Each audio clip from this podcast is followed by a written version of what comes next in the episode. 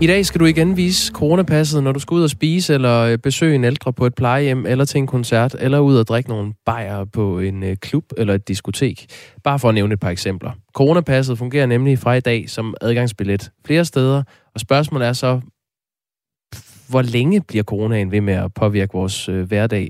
Er det her noget, vi bare må vende os til, og bliver det endda måske værre om et år, når vinteren så igen står for døren, og mange af os skal vaccineres igen og igen. Øh, det kommer vi til at gå ombord i med Viggo Andreasen, og det gør vi om 13 minutter. Han er lektor i matematisk epidemiologi.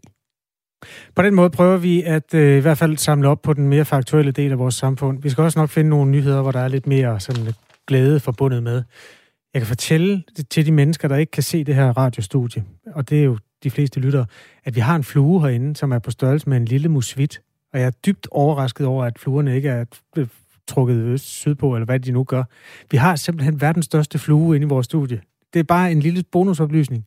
Hvor er den nu? Hvor er den i dag? Jamen, den, har, den er lige flået over mit hoved. Ja. Jeg ved det ikke, men man kan måske endda høre den. Hvis den flyver tæt på mikrofonen, så, så kan man godt høre den. Hvis der er noget, der, der brummer, så er det ikke bare øh, Kasper Harbos morgenstemme.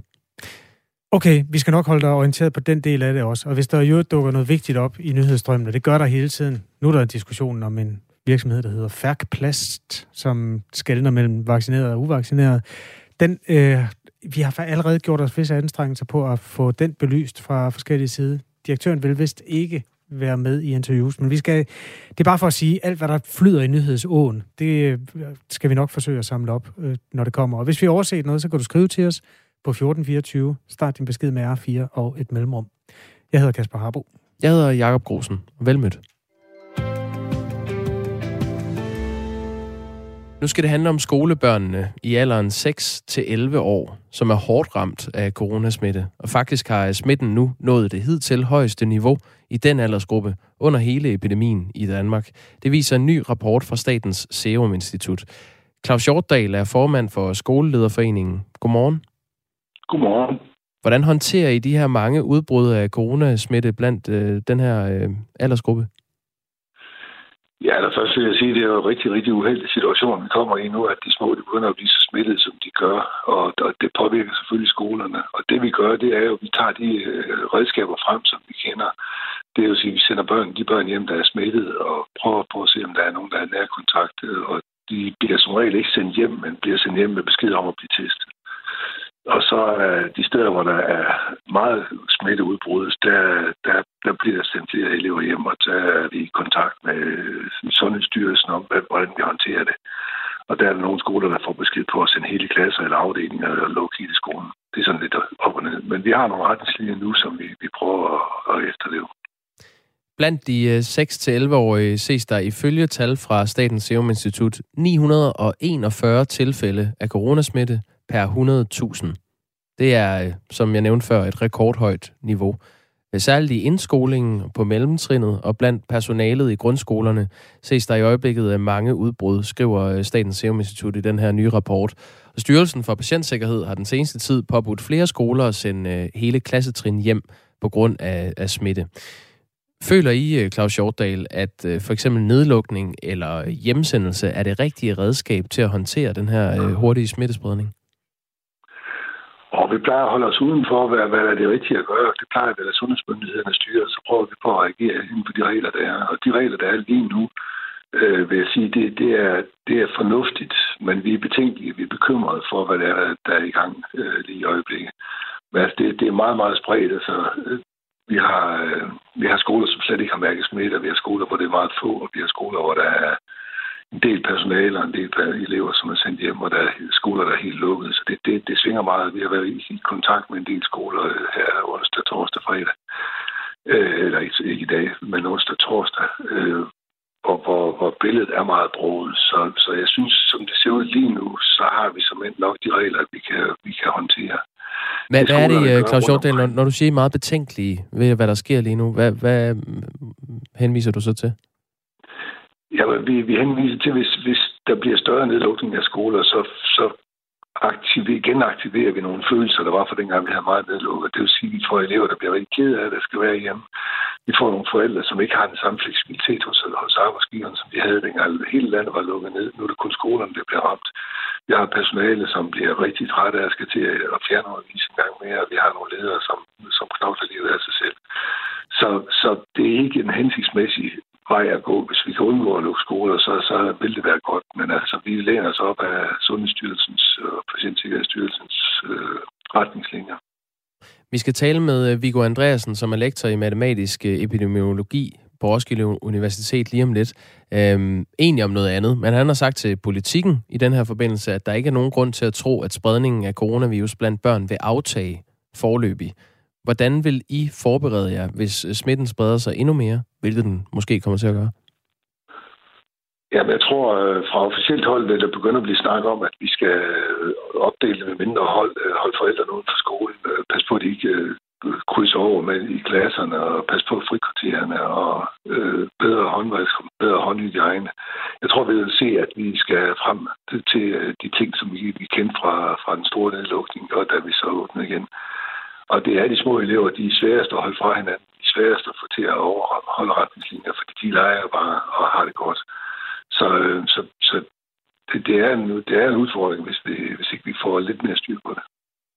Det sagde altså Claus Hjortdal, som er øh, øh, ja, formand for Skolelederforeningen, eller Skolelederforeningens ja. formand, hvordan man nu vender og drejer det. Tak fordi du var med, Claus Hjortdal. Så tak. Øhm, vi fik en sms, Kasper. Ja, vi har fået mange, fordi ja, det har vi når vi åbner den her øh, det port her, så kommer vi også om bord i noget, der er omdiskuteret. Øhm, jeg, jeg ved ikke, om du sagde det undervejs, men altså, ellers så kan vi sige det nu. Sundhedsstyrelsen har skiftet syn på, hvor længe man er immun ja, efter en, den. en tidligere øh, coronainfektion. Skal vi ikke bare... Øh, det er elefanten i, i coronarummet i de her dage. Jeg har et lydklip med Søren Brostrøm, der er direktør for Sundhedsstyrelsen. Spørgsmålet er, om vi lige skal høre det, fordi han var med i aftenshowet. Prøv at høre. Vi har tidligere sagt 12 måneder, fordi det var det, det data, vi har. Nu får vi i stigende grad ny data, som viser, at den immunitet, man får efter overstået sygdom, den er ikke lige så god som den immunitet, man får ved vaccinen. Den er sværere, den aftager hurtigere, og det vil sige, at der er større risiko for, at du kan blive smittet eller øh, blive syg med den immunitet, som du har af at have haft sygdommen. Det er noget af det, der bliver taget dårligt imod blandt de mennesker, der enten havde immunitet fra tidligere infektion, eller øh, på forhånd har besluttet sig for, at de slet ikke skal have vaccinen. Ja, øh, vores lytter Jon øh, er kendt for at, at bide til knoglen knuser, og øh, han har skrevet her, hvis nu det at have naturlig immunitet er så dårligt, hvorfor viser Statens Serum Institut så ikke, hvor mange tidligere smittede, der bliver testet positiv eller indlagt i deres dashboards? Hvor mange kender du, der har haft corona flere gange? Ikke mange. Er det nul, eller? Ja, jeg kan ikke komme på nogen. Jeg kender en. Du kender en? Ja, en af mine dartkammerater. Han har haft den hvis ikke det er tre gange, så er det i hvert fald to. Det er en uheldig marker. Ja, det er, men man, han er god øh, til dart. ja, okay. Man hører jo tit om, øh, eller ja, men det gør man jo, om vaccinerede, som bliver smittet. Ja, det er jo en del af... Øh, spørgsmålet er, om jeg lige skal finde dashboardet frem. Ja, for ellers bliver det meget anekdotisk. Øh, infektionerne her. Jeg kan sammen, mens du finder det, Kasper, kan jeg sige, at øh, det her spørgsmål om, hvorfor Sundhedsstyrelsen har øh, nedsat immuniteten fra 12 til 6 måneder. Altså at man kun regner øh, det, øh, at man har været smittet eller vaccineret, øh, som noget, der kan gælde i 6 måneder, fordi det er sådan, man gør nu i coronapasset. Øh, det ligger der den her øh, årsag bag som kommer fra Sundhedsstyrelsen.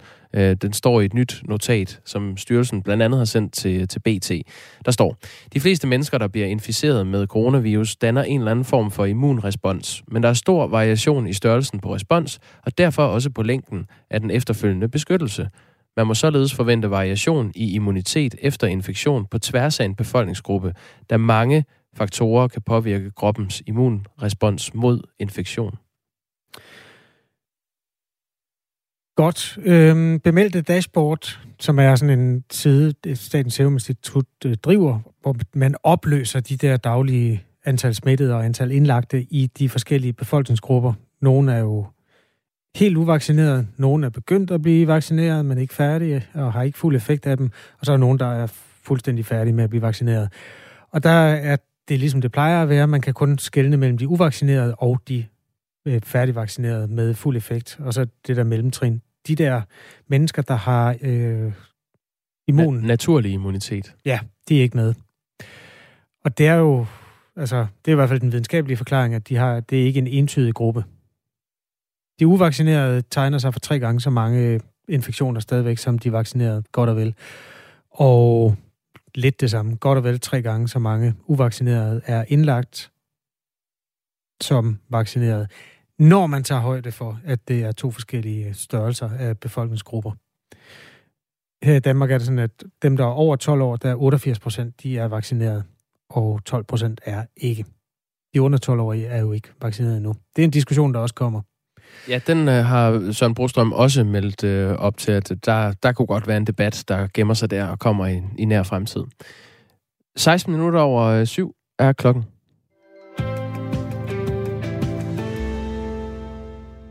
I aften er der landskamp. Herrelandsholdet i fodbold spiller øh, mod øh, Færøerne, og der kommer til at være samlet 35.000 tilskuere til den her kamp i et udsolgt parken på Østerbro i København. Og hver og en af de 35.000 tilskuere skal vise et gyldigt coronapas for at komme ind. Derfor opfordrer DBU's kommunikationschef Jakob Højer de mange fodboldfans til at komme i øh, rigtig god tid. Vi opfordrer folk til at komme ind, så de er der en time før. På den måde er de sikre på at, at kunne komme ind, få vist coronapasset, men også være klar til den underholdning. Vi kommer til at have noget musik, noget lysshow og, og forskellige hyldester på, på stadion før selve kampen. Så kom en time før, og så burde der være god tid til at komme, øh, komme ordentligt på plads. Sæt uret, lyder opfordringen. Der er stadigvæk nogen, der måske kommer øh, lige i sidste øjeblik af forskellige årsager. Jeg tror, det er vigtigt, at med indførelsen af coronapas, at alle øh, sætter deres ur og deres øh, program efter at være i parken en time før kampen går i gang. Og det vil altså sige omkring 1945. For at det kan lade sig gøre for de her mange øh, tilskuere tjekket i tide, er der ekstra vagter på arbejde i aften? Med indførelsen af coronapas ved vi, at det kommer til at tage lidt ekstra tid at få folk igennem øh, sluserne og porten derinde, så vi har i, i hvert fald en 40 øh, ekstra vagter til at, at få det til at køre så godt som muligt og, og få fans igennem. Så vi skal nok gøre vores til, at alle kommer på plads, de her 35.000, der skal ind og se landskamp, så de kan komme ind og, få vist deres coronapas, så de kan komme ind til kampen øh, til 2045. Et gammelt øh, mundhænd lyder, øh, ingen hænder, ingen kage. Er det ikke sådan? Ja, ingen arme, ingen kage. Og det er sådan, der. Ja. I den her forbindelse er det ingen coronapas, ingen landskamp. Jamen, så bliver vores, øh, vores vagter nødt til at sige, at de skal gå øh, og, og ikke kan komme ind på stadion.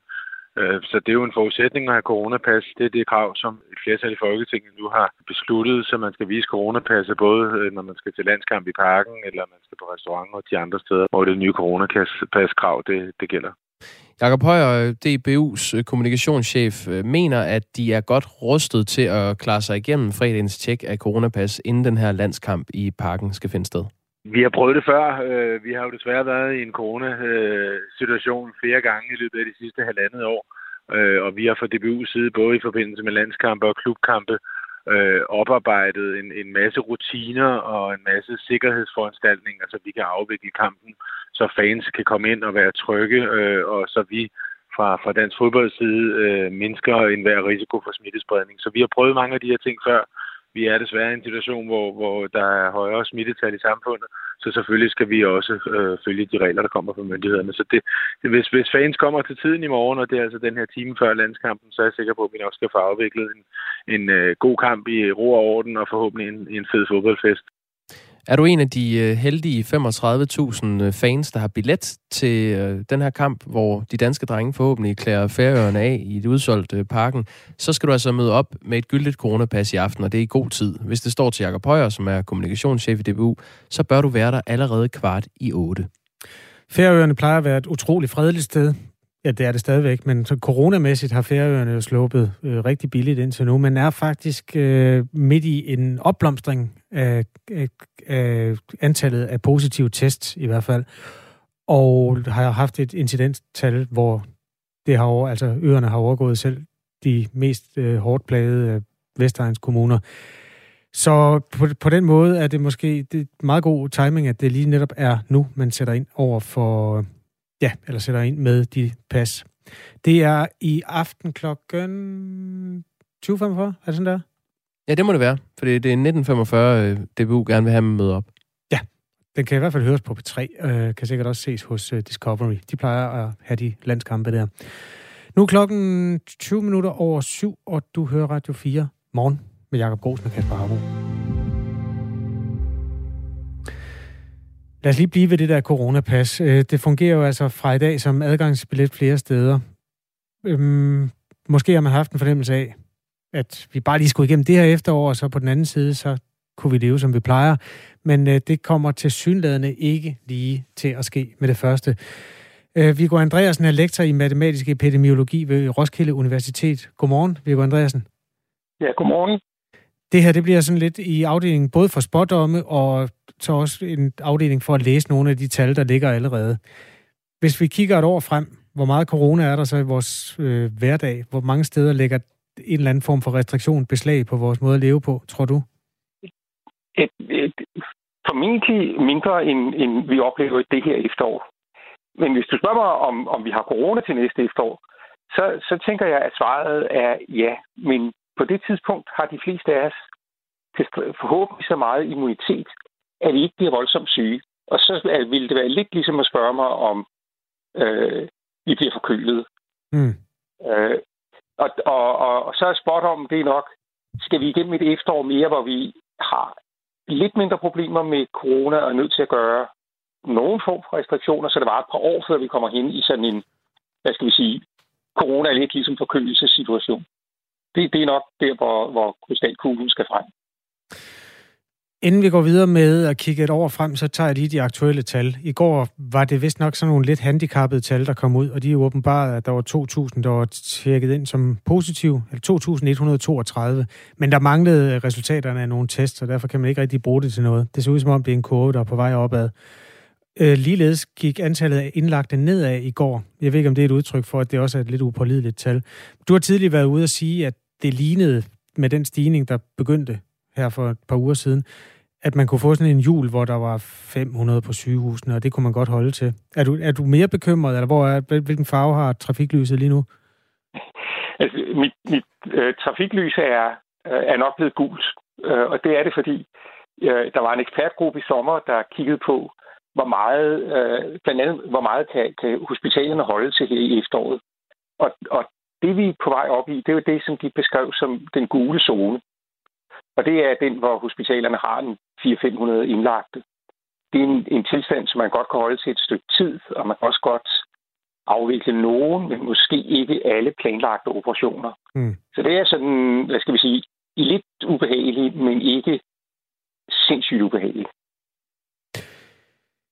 Øhm, nu du, du er jo talknuseren øh, over dem alle, og nu er der nogle tal, der bliver diskuteret rigtig meget i de her dage. Jeg ved ikke, det her det har vi ikke noget forberedt med dig, men måske har du noget parat viden på feltet. Søren Brostrøm har været i aftenshowet og forklarer, hvorfor man sætter øh, coronapassets indstillinger ned i forhold til dem, der har været tidligere smittet, så man ikke længere har 12 måneders immunitet, eller 12 måneders coronapas ud af en øh, coronasmitte, men kun 6 måneder. Øh, Kender du noget til de tal, som, som foreligger på det felt, som dokumenterer, hvorfor det er sådan? Nej, der fandt du godt nok i blinde hjørne. Sorry. Det, det, kender jeg, det kender jeg faktisk ikke, det der. Okay, det var heller ikke det, vi havde aftalt, men nu Nej. tænker jeg lige, det kunne være, at vi var i nærheden af det. Så lad os tage noget andet om det her aktuelle efterår, som snart bliver til vinter. Hvis du sammenligner det med sidste år, så ligger øh, smitten på samme niveau, som det gjorde tidligere. Øhm, hvordan vil du forudse, at det kommer til at forme sig det her år i forhold til sidste år? Ja, men man skal gøre sig klart, at vi er jo i en helt anden situation, end vi var sidste efterår på rigtig mange punkter. Øh, for det første for det punkt, at øh, rigtig mange af dem, der bliver smittet nu, bliver ikke så syge, som de gjorde sidste år, fordi de er vaccineret. Og vi, vi ved, at hvis man er vaccineret, og vaccinen ikke er alt for gammel, det vil sige under 6 måneder fra sidste øh, stik, så er chancen for at blive alvorligt syg øh, reduceret øh, ganske gevaldigt, lidt afhængig af, hvad aldersklasse man hører til. Så øh, på den måde er situationen anderledes. Mm. Så er den også anderledes på den måde, at indtil september i år, der var vores strategi jo at sige, vi venter, øh, vi, vi, vi forsøger at få vaccineret hele befolkningen, eller i hvert fald alle dem, der gerne vil vaccineres, inden at, vi, mens vi holder corona helt ude af landet. Øh, og den situationen er ligesom skiftet nu, fordi nu er alle dem, der ønsker at blive vaccineret, de er faktisk vaccineret. Øh, så lige nu må man spørge, hvad skal vi så gøre? Og, og så er der ligesom sket en, en holdningsændring, fordi Hvis du spørger sådan en som Søren Brostrøm øh, eller nogle af lægerne, så vil de sige, at den sygdom, vi har nu, den er sådan set ikke alvorlig nok til for alvor at lukke landet ned. Øh, sådan ser det jo ikke ud lige nu. Øh, og den grund vil de anbefale, at man lukkede landet op. Hvis du spørger mig, så vil jeg sige, det vi er i lag med i det her efterår, det er sådan set øh, at prøve at få opbygget noget naturlig immunitet, i, specielt i den del af befolkningen, der ikke ønsker at blive vaccineret. Øh, fordi det er den eneste måde, vi kan øh, få has på corona. Vi skal alle sammen have en eller anden form for immunitet. Mm. Enten fra vacciner eller fra, fra infektion. Viggo Andreasen, det er jo der, hvor Sundhedsstyrelsen så har øh, nedjusteret immuniteten, så man nu skal regne med, at man kun er immun i et halvt år og ikke i et helt år. Øh, hvis du nu prøver at se frem mod efteråret 2022, har du så grund til at tro, at der er mindre immunitet i det danske samfund, end der er lige nu?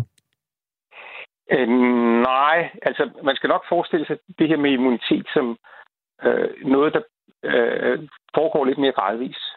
Altså nu, jeg er virkelig ude på, på, på, på, på lidt på glat is, men, men det billede, vi har fra øh, de andre coronavirus, der er beslægtet med, med, med, med, med den, vi slås med lige nu, det er, at øh, vi alle sammen har et vist niveau af immunitet, som gør, at vi oplever corona som en, en forkølelse snarere end som det her voldsomme lungeinfektion, med, som vi har lige nu med covid.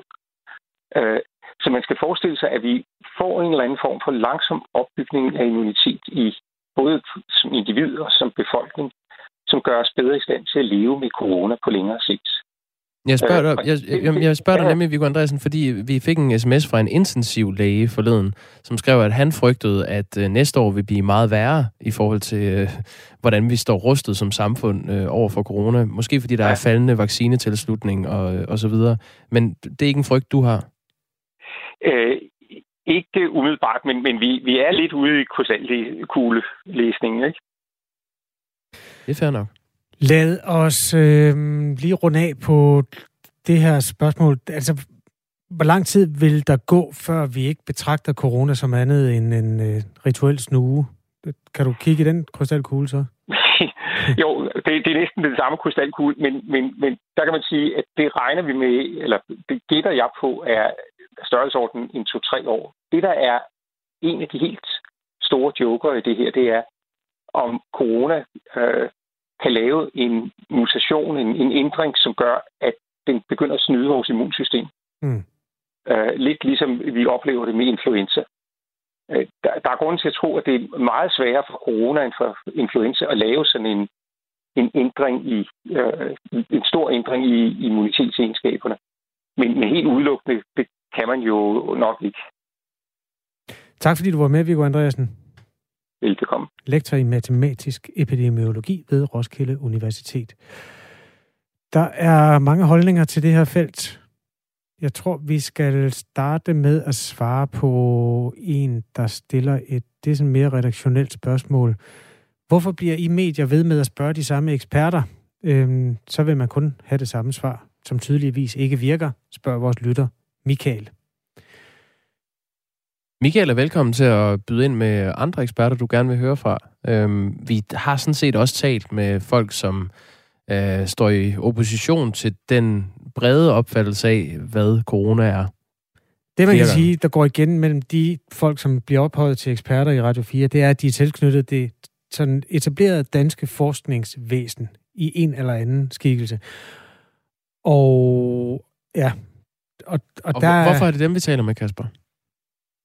fordi den, altså forskning bygger ovenpå, det er jo sten på sten, hvor man øh, gennem mange århundreder har opbygget et videnskabeligt system, som er funderet i, i læreanstalterne. Øh, sådan er det.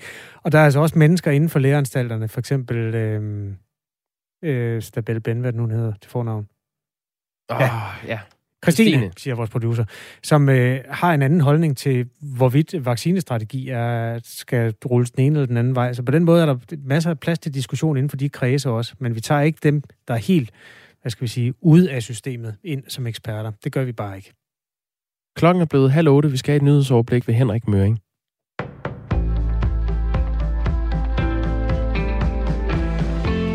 Regeringen vil gøre det nemmere at købe bolig uden for byerne. Forslaget skal give mulighed for at få et statslån på op mod 30 procent af boligens værdi, skriver Avisen Danmark. Jeg har mødt mange på mine ture rundt i landet, som har fortalt mig om, hvordan de ikke kan låne til deres boligdrøm, fordi huset ligger i et forkert postnummer, siger statsminister Mette Frederiksen til Avisen. Forslaget skal gøre det muligt at få statsgaranti på den del af boliglånet, der ligger mellem 60 og 90 procent af boligens værdi. Et krav vil dog være, at boligen har en kvadratmeterpris på under 8.000 kroner. Finans Danmark har dog svært ved at genkende, at boligkøbere i yderområderne får afslag på grund af postnummeret. Når der bliver sagt nej, er det mest på grund af manglende økonomi i familien, siger vicedirektør Ane Arndt Jensen til TV2. Fordi det er jo sådan, at i langt de fleste tilfælde, så får familierne de lån, de gerne vil have. Det er undtagelsen, at der bliver givet afslag i dag. Plastfabrikken Færk kræver, at uvaccinerede skal bære mundbind og spise for sig selv. De må heller ikke deltage i fysiske møder og rejser. Fabrikken har indført restriktionerne for de ansatte, der ikke er vaccineret mod corona, skriver Dagbladet Holstebro Struer.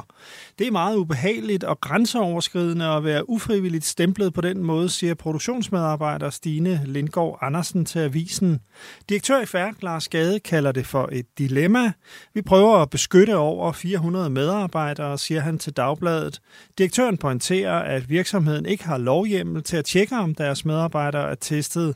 Men den kan være på vej. Repræsentanter for lønmodtagere og arbejdsgivere er i dag indkaldt til trepartsforhandlinger med regeringen for at drøfte, om virksomhederne kan kræve en coronatest af deres ansatte. Der er comeback til coronapasset i dag. I modsætning til i sommer er de 15-årige nu omfattet af passet. Det er fornuftigt, mener Isik Somunku Johansen. Det er det, så de kan blive testet lidt oftere, og så kan man forhindre yderligere smitte. Hun er professor og overlæge på infektionsmedicinsk afdeling på Odense Universitetshospital. Har man ikke brugt sit coronapas i over en måned, skal man logge ind igen med nem idé. Det kan derfor være en god idé at åbne appen og logge ind, før den skal bruges. Der gælder krav om coronapas på indendørs serveringssteder i nattelivet samt ved større arrangementer. Den norske regering kalder til pressemøde i dag efter rekordhøj smitte. Senest er godt 2.000 nordmænd i løbet af de sidste 24 timer blevet testet positiv for coronavirus. Inden pressemødet har Helsedirektoratet, der svarer til Sundhedsstyrelsen, har hjemme givet regeringen anbefalinger i forhold til brugen af et coronapas. Der er ingen rådgivning om en national nedlukning, oplyser direktoratet. Den amerikanske journalist Danny Fenster er blevet idømt 11 års fængsel af en domstol i Myanmar. Det oplyser hans advokat, skriver Reuters. Den 37-årige journalist har været tilbageholdt i det sydasiatiske land i knap et halvt år. Han var ansat som redaktør på mediet Frontier Myanmar i omkring et år, men han blev anholdt i slutningen af maj, da han forsøgte at rejse ud af Myanmar. Tidligere på ugen oplyste Fensters advokat, at Journalisten var blevet sigtet for terror og oprør. Det er ikke helt klart præcis, hvad Fenster skulle have gjort sig skyldig i. USA har siden anholdelsen krævet, at militærstyret i Myanmar skal løslade journalisten. Og et kig på vejret. Først på dagen stedvis lidt sol, eller skyde og regn i den vestlige del af landet. Cirka 10 grader og svag til frisk vind omkring syd af landet.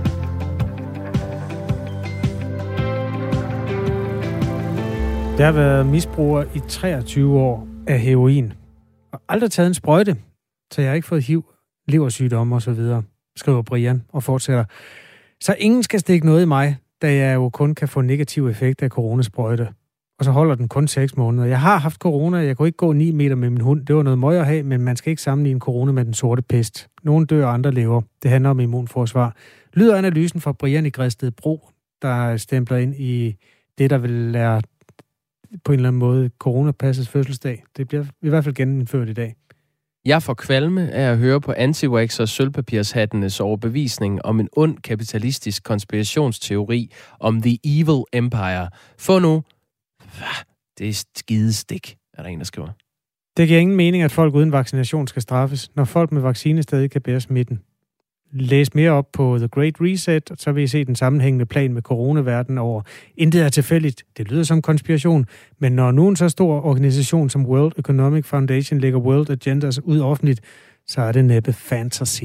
The Great Reset er en konspirationsteori, siger jeg lige for egen regning.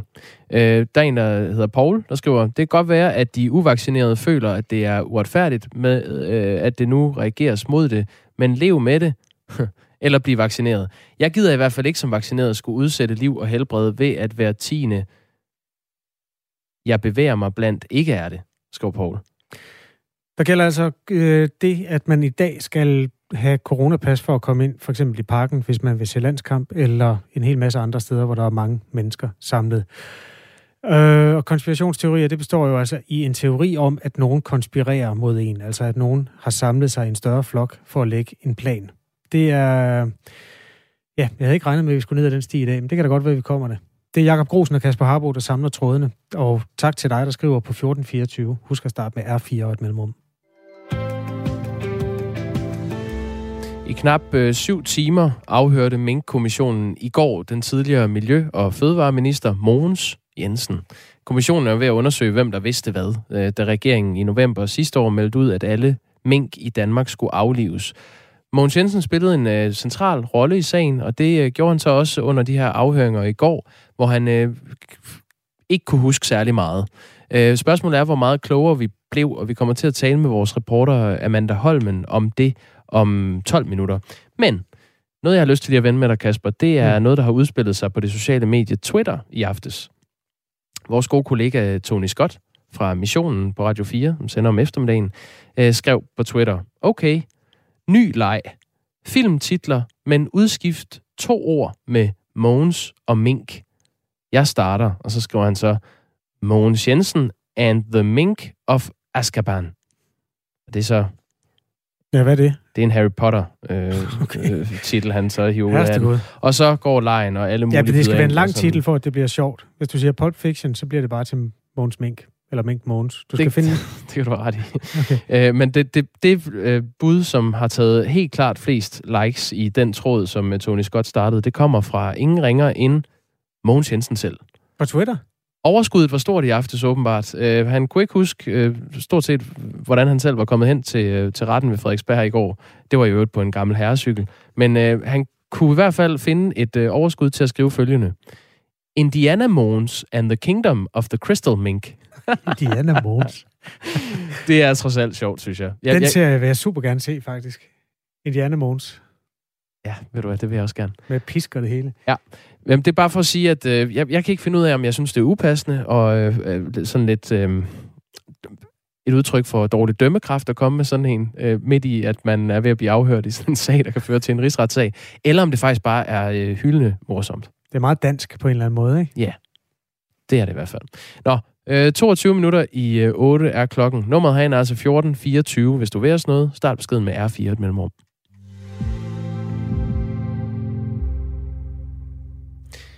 Coronasmitten i samfundet stiger, og flere har igen behov for at blive testet. Og for at imødekomme øh, det behov for test, har regeringen besluttet at skrue op for PCR-kapaciteten til 150.000 tests om dagen, og samtidig genindføre hurtigtest med en kapacitet på 100.000 daglige test. Men det er penge ud af vinduet, mener øh, Peter Busk, som er lektor i molekylær biologi ved Roskilde Universitet. Godmorgen til dig, Peter Busk. Godmorgen. Du har i et studie sammen med to andre undersøgt effekten af den danske teststrategi. Og den er fejlslagen. Ja. Hvorfor? Ja, altså det vi har gjort i Danmark, det er at øh, tro på at tyngdekraften og teste imod alle de gængse regler for en befolkningsscreening. Øh, og ud fra vores studium, så ser det ud til, at det er faldet til jorden. Hvordan faldet til jorden? Det, vi har, Jamen, vi har kigget på, har den her sådan, øh, store masse test, vi har haft, har den nu haft nogen indflydelse på hospitalsindlæggelserne? Og vi kan ikke se nogen som helst effekt af massetestningen på antallet af hospitalsindlæggelser. Man skulle, man skulle tro, at hvis man testede meget, så kunne man stoppe en masse smittespredning, og så ville antallet af hospitalsindlæggelser falde. Øh, det har vi ikke kunne se. Vi kan heller ikke se et fald i positiv procent, procenten i øh, april-maj måned i år, hvor man testede øh, en halv million mennesker om dagen. Øhm, så, så vi kan simpelthen ikke se nogen effekt. af, af, af massetestningen. Hvorfor tror du, det ja, ser sådan ud i jeres tal? Jamen, det, det, vi er sådan set ikke overrasket, og, og, og, og, og øh, det er jo også det, vi ser nu der, fra, fra, fra de fagfælder, der har bedømt vores øh, manuskript. Altså, de er heller ikke overraskede, fordi man har ikke fulgt almindelige regler for, hvornår massetester man, hvor mange smittede skal det være, altså hvor høj skal positiv procenten være, for det giver effekt. Øh, vi har ikke nogen øh, stringente karantæneregler. Vi ved fra HOPE-projektet, at da det var allerbedst, der var det mere end halvdelen af alle, der ikke overholdt deres karantæne. HOPE-projektet er det, det projekt, øh, det, jeg byder lige ind med, med øh, lidt uh, fakta om det, hvis man ikke kender det. Det ja. er det projekt, der kortlægger danskernes adfærd under corona. Ja, og da de spurgte i december måned danskerne, om øh, de overholdt deres karantæne. Og der sagde cirka halvdelen, at det gjorde de ikke. Øh, så, så hvis man tester og smitter og spor, øh, og folk så ikke overholder deres karantæne, jamen hvad er så pointen? Når I nu kommer med sådan et forskningsprojekt, som øh, viser, øh, eller konkluderer i hvert fald, at, øh, at det at skrue op for både PCR-testkapacitet øh, og lyntest ikke har nogen effekt, det er penge direkte ud af vinduet, så lægger det sig jo også lidt op af, at coronapas måske slet ikke har en effekt, eller hvad? Ja, jamen, jeg, jeg tror ikke, at coronapasset har en, en øh, effekt. Øhm, det, det, man skulle gøre, jeg, jeg synes, man skulle gøre i stedet for, det var at øge øh, vaccinationskapaciteten, øh, tilbyde øh, vaccinationer til de sårbare grupper øh, med en høj kapacitet, og så skal vi have meget mere fokus på, overby- øh, øh, på forebyggelse af smitte, det vil sige øh, holde afstand, lære folk at holde afstand og udluftning. Altså, der er alt for dårlig udluftning de fleste steder. Hvis vi havde taget de 10 milliarder, der er brugt på testning, og havde brugt dem på at forbedre udluftning, øh, for eksempel på skolerne, jamen, det, det ville vi have fået meget mere ud af. Vi taler med Peter Busk, der er lektor i molekylær biologi ved Roskilde Universitet og retter en kritik mod det, der var den store danske teststrategi i foråret. Peter Busk, nu bliver jeg bare lidt meget konkret, men hver gang et ja. menneske i april gik hen for at blive testet, så gjorde vedkommende det formentlig for at få det stempel, der gjorde, at man kunne foretage sig alt muligt. Ikke? Altså havde en test, der holdt ja. tre dage. Men ikke desto mindre, samtidig blev vedkommende jo testet positiv og holdt sig indendør, så han, hun ikke kunne smitte nogen. Er, det, er du også modstander af det? Hver anden, der blev testet positiv, holdt, overholdt sin karantæne, ifølge HOPE-projektet. Så det var jo... Så hver anden gjorde det ikke. Nej, hver anden øh, gjorde det ikke, men jeg skal bare lige være sikker på, at vi er enige om, at dem, der så blev inde, de ikke smittede nogen. Og er du modstander af, at de ikke gjorde det? Eller hvor er det, du er modstander henne? Nå, nej, det er fint, at man går i, i karantæne, hvis man, er, hvis man er smittet. Men det er jo så en anden ting, vi kigger på i vores studie. Det er, at det ser faktisk ud til, at øh, op til 40 procent af dem, der er testet positiv i en PCR-test, de har været så langt henne i deres øh, coronainfektion, at de slet ikke har smittet nogen mere. Så det Hvor vil været... du det fra? Kan du fortælle lidt om de tal? Ja, øh, hvis vi siger det meget øh, groft, og det er, det er en forsimpling, men så hvis man vil have det rigtige, så skal man altså læse vores artikel. Men, men så er lyntesten det er et mål for, om man er smitsom. Og igen, det er groft sagt, altså det er for simpelt øh, mens PCR-testen er et mål for, om man har virus i sig. Mm. Så det vil sige, hvis man er lyntest-positiv, så vil man groft sagt kunne smitte andre. Hvis man er PCR-positiv, så har man bare virusen i sig. Men man kan ikke nødvendigvis smitte. Og så ser Men vi måske over foråret, kan man smitte, eller hvad? Øh, ja, hvis man også er lyntest-positiv, så, så vil man sandsynligvis være lyn, næsten, med stort, med, næsten sikkert være lyntest-positiv også. Og det vi kan se, det er, at dem, der er testet hen over foråret, altså fra februar til juni, de er, der er det kun halvdelen af dem, der er PCR-positive, som også er lyntest-positive. Okay. Det betyder så, at, at der er cirka, altså lyntesten har sådan lidt lavere følsomhed end PCR-testen, men, men det betyder, at der er 40 procent, som er PCR-positive, men til synligheden ikke smitter, fordi de ikke er lyntest-positive. Bottom line er jo, at man får pillet nogen ud. Nogen bliver pillet ud og med en lyntest, og de er så i fare for at smitte andre. De, bliver, de går hjem og holder sig der. Nogle andre er PCR-positive, og de er stadigvæk syge, eller i hvert fald øh, nogle af dem er, har det skidt eller er snottet eller sådan noget. Der har vi jo også fået at vide, at man skal blive hjemme. Er det dårligt? Jamen, det er det da. Altså, hvis man, er, hvis man har gået en uge derude og, og, og, og, og kunne smitte andre, og man så, øh, fordi man, man har måske været lidt småttet, eller snottet, eller man er, er, er måske helt symptomfri, så går man hen og bliver PCR-testet, fordi, ja, det ved jeg ikke, man skal til landskamp. Øhm, og så får man at vide, at man er positiv, og så skal man blive hjemme 14 dage på et tidspunkt, hvor man ikke mere smitter nogen. Det, det, det, kan, det, det er jo ikke godt. Altså. Peter Busk er altså lektor i molekylær øh, biologi ved Roskilde Universitet og øh, har gennemført et øh, forskningsprojekt, som konkluderer, at øh, massetestning øh, ikke virker overhovedet. Vil du øh, opfordre folk til ikke at lade sig teste så, Peter Busk? Altså, man, man kan selvfølgelig vise coronapas der, hvor man skal vise coronapas. Og hvis det kræver, at man, at man får en test, ja, så må man blive, blive øh, nødt til det. Men, men i øvrigt, øh, så mener jeg, at, at, at øh, man skal kun lade sig teste, hvis man har symptomer på covid-19, eller hvis man har været i nær kontakt med en smittet, altså hvis der er begrundet mistanke. Det er, det er, er, er sund øh, øh, medicinsk praksis, og, og det skulle man også følge i Danmark. Altså, Men er, man, er det din opfordring til de mennesker, der ikke har et vaccinationspas og ikke har øh, immunitet fra en tidligere infektion? De har jo nu fra med i dag fået en ordre om, at de skal øh, lade sig teste for at kunne få et coronapas, hvis de vil på ja, altså til landskamp for eksempel, som du er inde på. Er din opfordring, at de skal lade være? Altså, hvis de skal til landskamp, og de står, der kræves coronapas i døren, så skal man selvfølgelig lade sig teste, fordi det er en regel. Altså, det, selvfølgelig skal man det. Man skal jo ikke... Man, altså, vi bliver jo nødt til at følge loven i, i, i, et rets, i en retsstat. Jamen, ellers kommer man heller ikke ind, jo. Nej. Altså, det, og man skal slet ikke prøve på at snyde sig ind, så det kan jeg slet ikke opfordre til. Hans... Men ja. hvis man ikke skal til landskamp, og man ikke er vaccineret, og man ikke har nogen symptomer, så er der absolut ingen grund til at blive testet.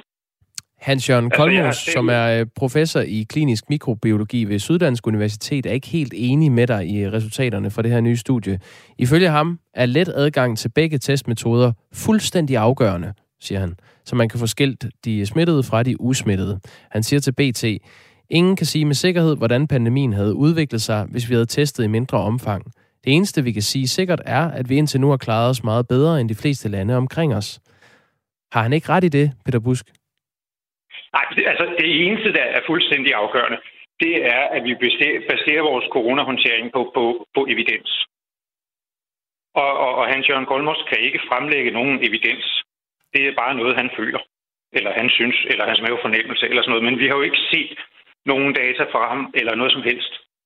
Vores studium er det eneste studium, hvor der er altså fagfældebedømte studium, hvor man har undersøgt massetestningens effekt.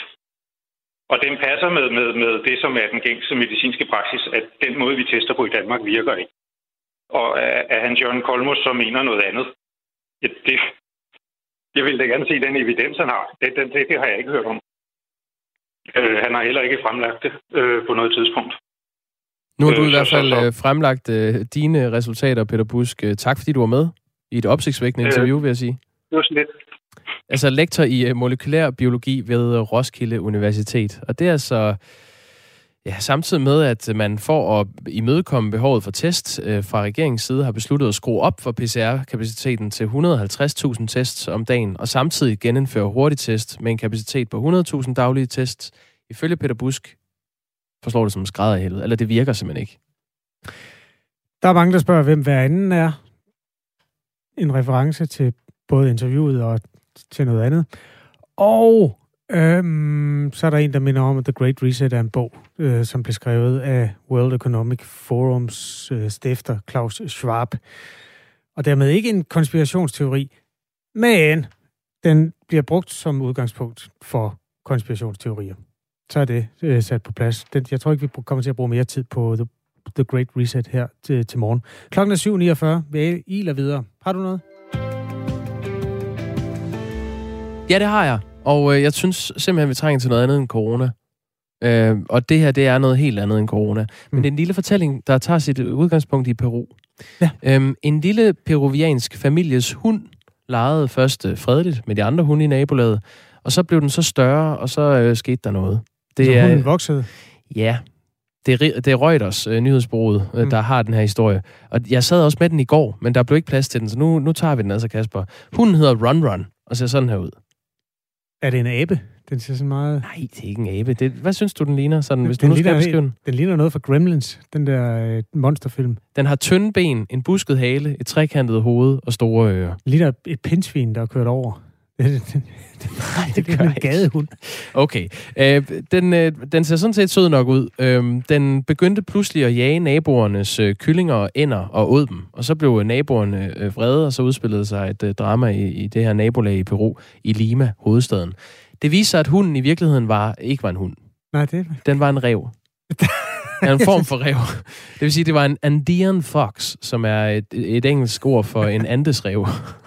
Og jamen, prøv at høre det her. Okay. Øhm, den er, den er mere i familie med ulve og sekaler end hunde. Øh, vi troede, det var en renavlet hund, sagde uh, Sotelo, som var ejeren af den her revehund. Og øh, hun fortalte, at hendes søn havde købt den her hundevalp som kæledyr for et beløb på cirka 85 danske kroner for et halvt år siden. En nabodame fortalte, at den havde den havde et tre store marsvin, sagde Sotelo. der var ked af, at hun skulle betale ejerne for de døde dyr. Og øh, så løb Run Run hjemmefra. Det er derfor, den har øh, skabt overskrifter. Øh, politiet fra fra den øh, nationale skov- og øh, vildforvaltningsservice i Lima har let efter den her rev, og så indfangede de den og sendte den til en zoologisk have, og så kunne de altså konstatere, at det var ikke en hund, men en Andean fox. Jamen, jeg er den eneste i Peru, der har øjne i hovedet. Den ligner jo ikke en hund. Den ligner jo et monster. det kan du mene. Altså, i det, den, den forslunt tager uh, tre store marsvin. Ja, det kunne hunden så også finde på, kan man sige, ikke? Kunne de det? Ja, det tror jeg. Det er meget voldsomt. I hvert fald, det taler ind i en, en lidt mere alvorlig historie om uh, illegale dyr, konfiskerede vilde dyr i Perus uh, hovedstad. Men altså, det, det kulørte i det er Run Run. Ja, og vi havde det ret i to minutter. Så er vi tilbage ved, at uh, verden er et frygteligt sted. Oh. Okay, lad os tage noget øh, ganske alvorligt, fordi i går blev tidligere Miljø- og Fødevareminister Mogens Jensen afhørt i knap syv timer i Mink-kommissionen. Kommissionen er ved at undersøge, hvad der, ja, ikke bare hvad der skete, men hvem der vidste, hvad der var sket, og hvem der vidste, øhm, at beslutningen om at aflive alle mink var ulovligt, da den blev meldt ud af regeringen den 4. november sidste år. Det var der altså ikke lovhjemmel til. Som minister for netop Fødevareministeriet spillede Mogens Jensen en helt central rolle i sagen, som også førte til, at han senere måtte trække sig. Han holder fast i forklaringen om, at han og regeringen ikke forud vidste, at øh, beslutningen manglede lovhjemmel, altså beslutningen om at slå mængdene ihjel. Amanda Holmen er vores politiske reporter, som følger det her stykke arbejde. Du sad i retten i går, og er også med fra retten lige nu. Godmorgen, Amanda. Godmorgen. Hvad sagde Mogens Jensen i forhold til, hvordan han fandt ud af, at der ikke var lovhjemmel til at kræve minken aflivet? Ja, men altså overordnet kan man sige, at Mogens Jensen han holdt fast i det, der også har været hans forklaring øh, indtil i går. Altså at han først fandt ud af den 7. november, altså tre dage efter regeringen meldte ud, at alle mink skulle aflives. Det var først på en mail klokken præcis 18.31, at Mogens Jensen fandt ud af, at der ikke var lovhjemmel til det. Men man kan sige, der har op til Mogens Jensens afhøring i går været en lille smule tvivl om, hvorvidt det egentlig er rigtigt. En øh, afdelingschef i Miljø- og Fødevareministeriet har sagt, at Mogens Jensens fik det, fik det at vide allerede den 5. Og det kunne man også se i nogle øh, interne dokumenter, der blev fremlagt i retten i går. Altså, der har været en lille smule, kan man sige, uenighed, eller i hvert fald tvivl i øh, ministeriet i forhold til, hvornår Mogens Jensen han fandt ud af det. Der var, kan man sige, Mogens Jensen skulle, der skulle udarbejdes et citat til den redegørelse, regeringen lavede af forløbet i forhold til, hvornår Mogens Jensen blev klar over det. Og der havde, nogen, der havde først en i ministeriet skrevet som udkast, at han fandt ud af det allerede den 5. om torsdagen, og en anden rettede det så til den 6. Altså hans særlige rådgiver rettede det til, at han fandt ud af det om fredagen, men Mogens Jensen han holder altså fast i, han fandt ud af det på mail kl. 18.31, øh, og han fik ikke nogen advarsler mundtligt om det før da. Hvorfor er det vigtigt? Men det er nemlig ret vigtigt faktisk, fordi det kan jo lyde som sådan noget ligegyldig datosnak, men det er faktisk ret vigtigt, fordi regeringsbeslutningen blev meldt ud der den 4. november, men den 6. november, der sendte Fødevarestyrelsen et brev ud til minkavlerne, som i hvert fald kan tolkes som en ordre på, at de skulle aflive deres mink. Der stod, at øh, at minkavlerne skal aflive deres mink. Der stod ikke, at de kunne. Så derfor så er det ret afgørende, om Mogens Jensen på det tidspunkt, altså den 6. november, faktisk var klar over, at der ikke var lovhjemmel til det. Hvis vi bare kort skal rise nogle af de vigtige datoer op. Beslutningen om at aflive alle mink i Danmark blev truffet på et møde i regeringens koordinationsudvalg om aftenen 3. november. Mette Frederiksen og Mogens Jensen var med. Du godste mig en masse fugle, der er i baggrunden, Amanda. Hvor, hvor står du? Okay. Nå, okay. Øh, jeg går videre i tidslinjen her. 4. november meldte statsminister Mette Frederiksen beslutningen ud på et virtuelt pressemøde. 7. november blev Mogens Jensen altså efter eget udsagn bevidst om, at der ikke var lovhjemmel til at kræve minkene aflivet. Og så om søndagen den 8. altså fem dage efter mødet, der var det offentligheden blev bekendt med, at der ikke var lovhjemmel. Hvordan kan det lade sig gøre, at Mogens Jensen ikke vidste, at der var hjemmel? Jamen, det er i hvert fald også det, der er et af de helt store spørgsmål, som min kommission jo er i gang med at undersøge, og det er der jo også nogen, der har stillet sig meget undrende over for, fordi hans departementschef vidste godt og har sagt i min kommission, at han godt vidste, at der ikke var lovhjemmel. Så det er jo et af de helt store spørgsmål, og Mogens Jensen, han sagde også i går i afhøringen, at det er meget beklageligt, og det kom også frem, og det blev også dokumenteret, at der har jo floreret dokumenter i ministeriet, hvor hvis man havde nærlæst, hvad der stod i de dokumenter, så ville man godt kunne finde ud af, at der ikke var lovhjemmel. Så Mogens Jensen, han sagde også, at det er beklageligt, og han er ikke blevet klædt ordentligt på i forhold til det her, samtidig med, at han også sagde det, som Mette Frederiksen også sagde, da hun holdt pressemøde for nylig om sms'erne, at han vil altså ikke bebrejde embedsværket, fordi de havde sindssygt travlt i den her periode.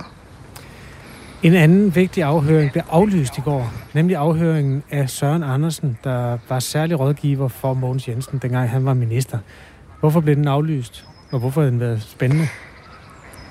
Ja, men mange havde faktisk, inklusiv mig selv, set ret meget frem til den her afhøring. Jeg sagde det også, da jeg var igennem hos jer i går, fordi Søren Andersen, han, øh, altså Mogens Jensens tidligere særlige rådgiver, har sms'et med Martin Justesen, der er øh, stabschef for øh, statsminister Mette Frederiksen, og man havde lidt regnet med og forventet, at man på en eller anden måde ville få indsigt i den her sms-korrespondence, som er ret interessant, fordi Martin Justesen er en af dem fra statsministeriet, der har slettet sine sms'er.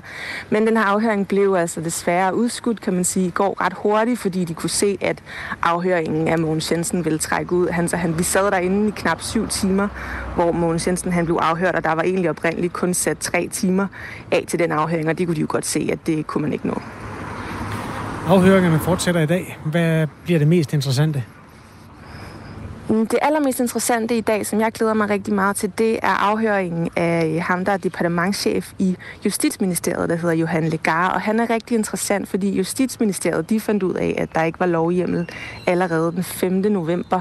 Og det store spørgsmål er, om departementchefen i Justitsministeriet sagde det videre til departementchefen i Statsministeriet, Barbara Bertelsen. Fordi hvis nogen skulle kommunikere det videre til hende, så burde det være ham. Så det er interessant at høre, hvornår fandt han ud af det, og hvornår sagde han det videre til statsministeriet. Så det glæder jeg mig til at høre, om der kommer noget nyt frem på i dag. Du må bare melde ind, når der sker noget spændende. Amanda Holmen, vi glæder os til at høre fra dig igen. Politisk reporter, tak skal du have. Selv tak. To minutter i otte er klokken. Det, hører, det er dig, der hører Radio 4 morgen. Det skal du have tak for. Det er altså fredag morgen, 12. november. Lyset bryder frem, og der er nyheder om lidt. Før, før vi talte med Amanda Holmen, talte vi med øh, Peter Busk, som er lektor i molekylær biologi ved Roskilde Universitet, og øh, mener at have data, der kan påvise, at testregimet her til lands øh, ikke har haft eller har nogen som helst effekt på at stoppe smittespredning. Og det, øh, det var et øh, det var sgu et interessant interview. Vi får en del sms'er, Kasper. Vi har fået en fra Nikolaj, der skriver, første gang i jeres program, I får en ekspert med evidens til at udtale sig om teststrategien. Det er så tydeligt, at I har samme holdning som regeringen og som størstedelen af befolkningen. Her er en ekspert, som har bevis for sin undersøgelse. Hvorfor graver I ikke mere i det? Nikolaj, øh, alle, der bliver interviewet her i det her radioprogram, bliver efterprøvet på deres øh, påstande. Men det er det fede ved at være journalist. Vi er altid lidt i opposition, og det var også det, der skete med ham. Men altså i det, at han får taletid, er der en blåstempling. Og der er jo ikke lavet andre undersøgelser af teststrategien i den skala der. Så det, øh, det er ikke så mærkeligt, det er første gang, vi har sådan en fyr. Men tak for sms'en. Hvad med dem, øh, der er vaccineret, der ikke kan mærke, at de er smittet som grund og smitter andre? Jeg holder mig bare fortsat til hjemmehygge. Hurra for HBO og Netflix, er der en lytter, der skriver her den her fredag morgen. Det er jo rart med streamingtjenester. Det er rart at få post, og øhm, vi skal nok rydde lidt mere op i den. Der er kommet en masse gode inputs. Corona er et varmblodet emne, men også øh, selvfølgelig videnskabeligt og vigtigt og spændende. Du hører Radio 4 morgen med Grosen og Harbo og Møring, nyhedsverden klokken 8.